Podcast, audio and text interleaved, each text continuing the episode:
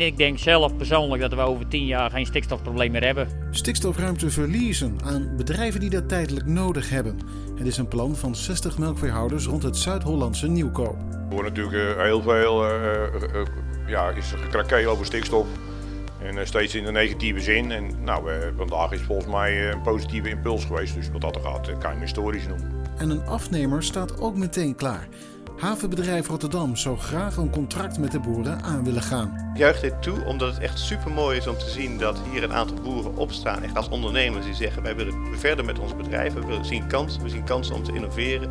En als we innoveren zien we kansen om en te reduceren wat goed is voor die biodiversiteit, wat ook echt kansen biedt voor andere ondernemers die af en toe een stukje ruimte nodig hebben. Mijn naam is Arie Meijer en dit is de podcast van Nieuwe Oogst met vandaag. Melkveehouders willen stikstofruimte verliezen aan bedrijven. In Nieuwkoop presenteerden donderdag 60 melkveehouders rond de Nieuwkoopse plassen een plan om stikstofruimte te verliezen aan bedrijven die tijdelijk stikstofruimte nodig hebben. Een van die boeren is Bert-Jan Verboom. En hij zegt dat de ideeën voor dit initiatief vorig jaar al zijn ontstaan. Sterker nog, ze hebben zelfs al met de minister-president en de landbouwminister gesproken. Vorig jaar hebben we in het katshuis gezeten bij uh, mevrouw Schout en meneer Rutte. Toen hebben we al een beetje ideeën opgeofferd en uh, daar zijn we zeg maar, in de loop der tijd een plan van gaan maken. En daar spreken we toch stikstofvrij. Dat bouwen Nederland of, of, of de haven of Schiphol met die stikstof toch ook voorlopig even verder kennen. En ik denk zelf persoonlijk dat we over tien jaar geen stikstofprobleem meer hebben. Dat het zich eigenlijk wel weer oplost doordat we zo snel gaan innoveren met z'n allen. De 60 melkveehouders hebben zich verenigd in een coöperatie met de naam Boeren met Perspectief. En komen met het plan omdat ze zien dat ze de komende jaren voor grote opgaven staan. Zoals het tegengaan van bodemdaling door veenoxidatie, het beperken van de CO2-uitstoot en het verminderen van de stikstofuitstoot. Dat laatste probleem pakken ze nu aan, maar ze maken wel een kanttekening. De stikstofruimte moet niet volledig uit de landbouw kunnen verdwijnen. Bij ons blijft de optie verplicht dat die boer die verliest een bedrijfsvoering moet houden. Anders kan hij niet verliezen. Eh, dus verkopen eh, is geen optie in dit verhaal. Dus wij gooien die stikstof niet uit de landbouw. We houden hem er wel in. Maar die boer moet wel gewoon boer, boer zijn koeien melken. Dus hij moet altijd zijn bed uit om 50 koeien te melken. En dan zou hij de rest, of 60 koeien, dat is net de optie die we erin zetten. Uh, en de, en de rest zou die kunnen verliezen. De boeren vragen de hulp van de overheid in de uitvoering van de plannen, omdat ze niet alleen willen verliezen, maar gelijkertijd ook hun oude stallen willen verduurzamen en stallen vernieuwen, zodat ze ook de stikstofuitstoot in het gebied kunnen verminderen.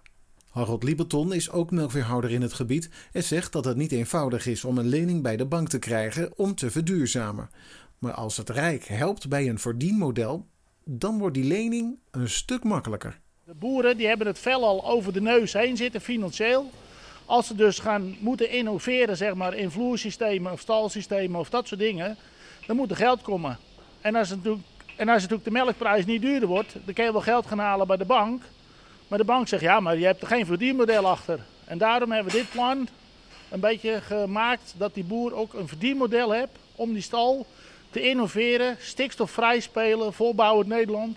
En het is ook nog natuurlijk op vrijwillige basis, hè, dit plan. Hè. Het is niemand, niemand is een verplichting. Hè. Je kan meedoen, je kan aansluiten, maar je kan ook gewoon je eigen bedrijfsvoering blijven doen, zeg maar. En dan heb je er wel geen verdienmodel achter, maar daar is iedereen vrij in wat hij wil. Het is een vrijwillig plan. Niks verplichtingen. De eerste reacties op het plan van de boeren zijn positief.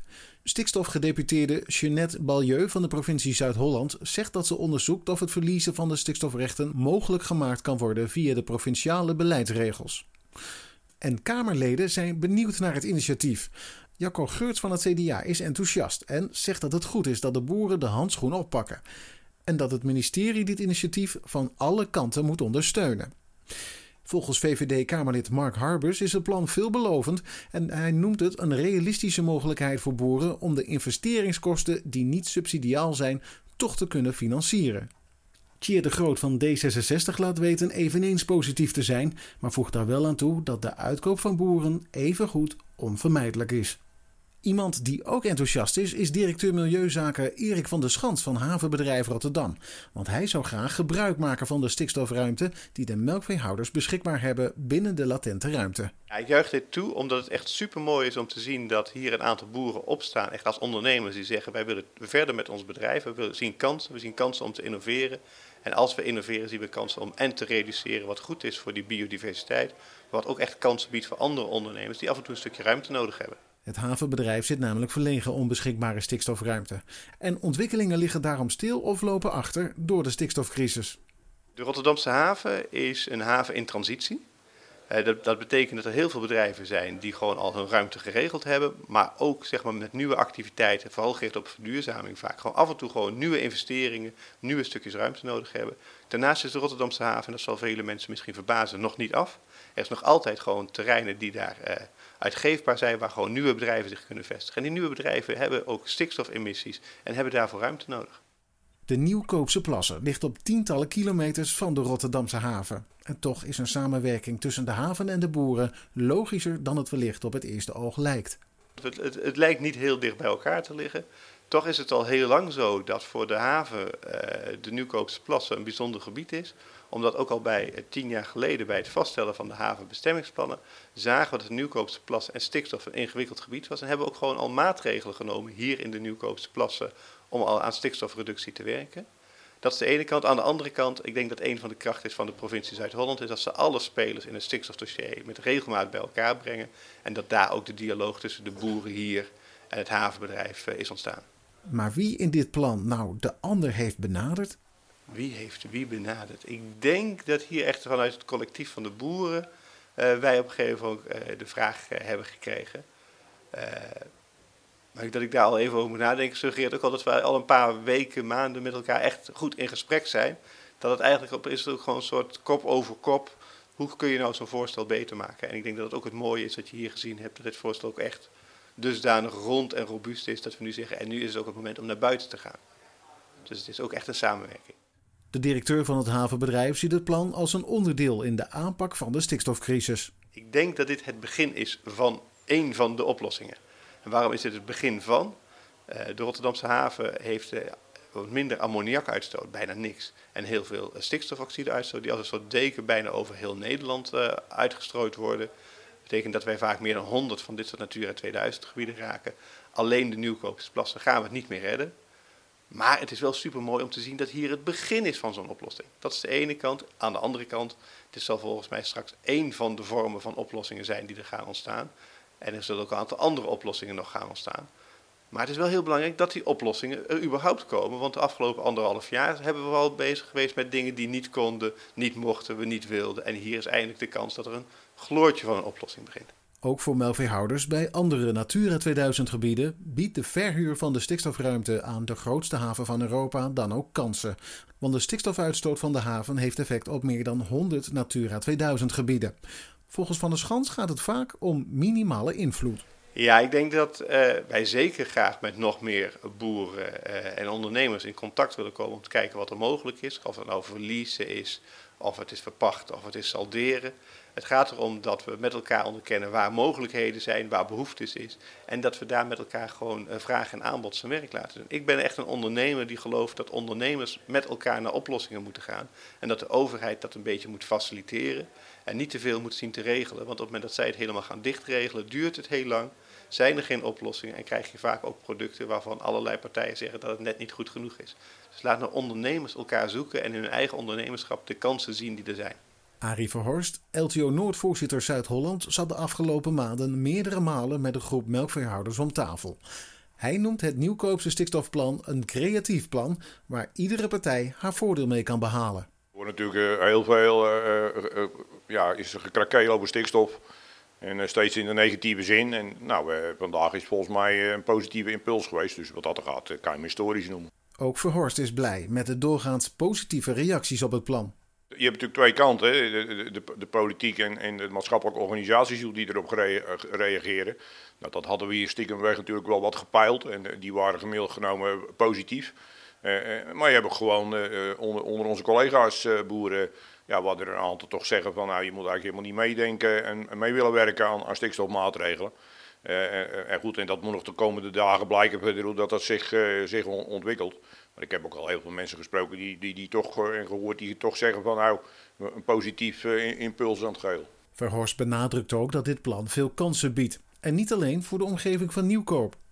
Zeker, zeker voor gebieden die een hele grote opgave hebben.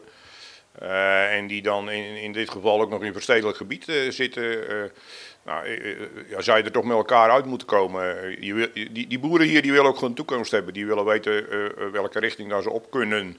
En die willen hun plannen maken.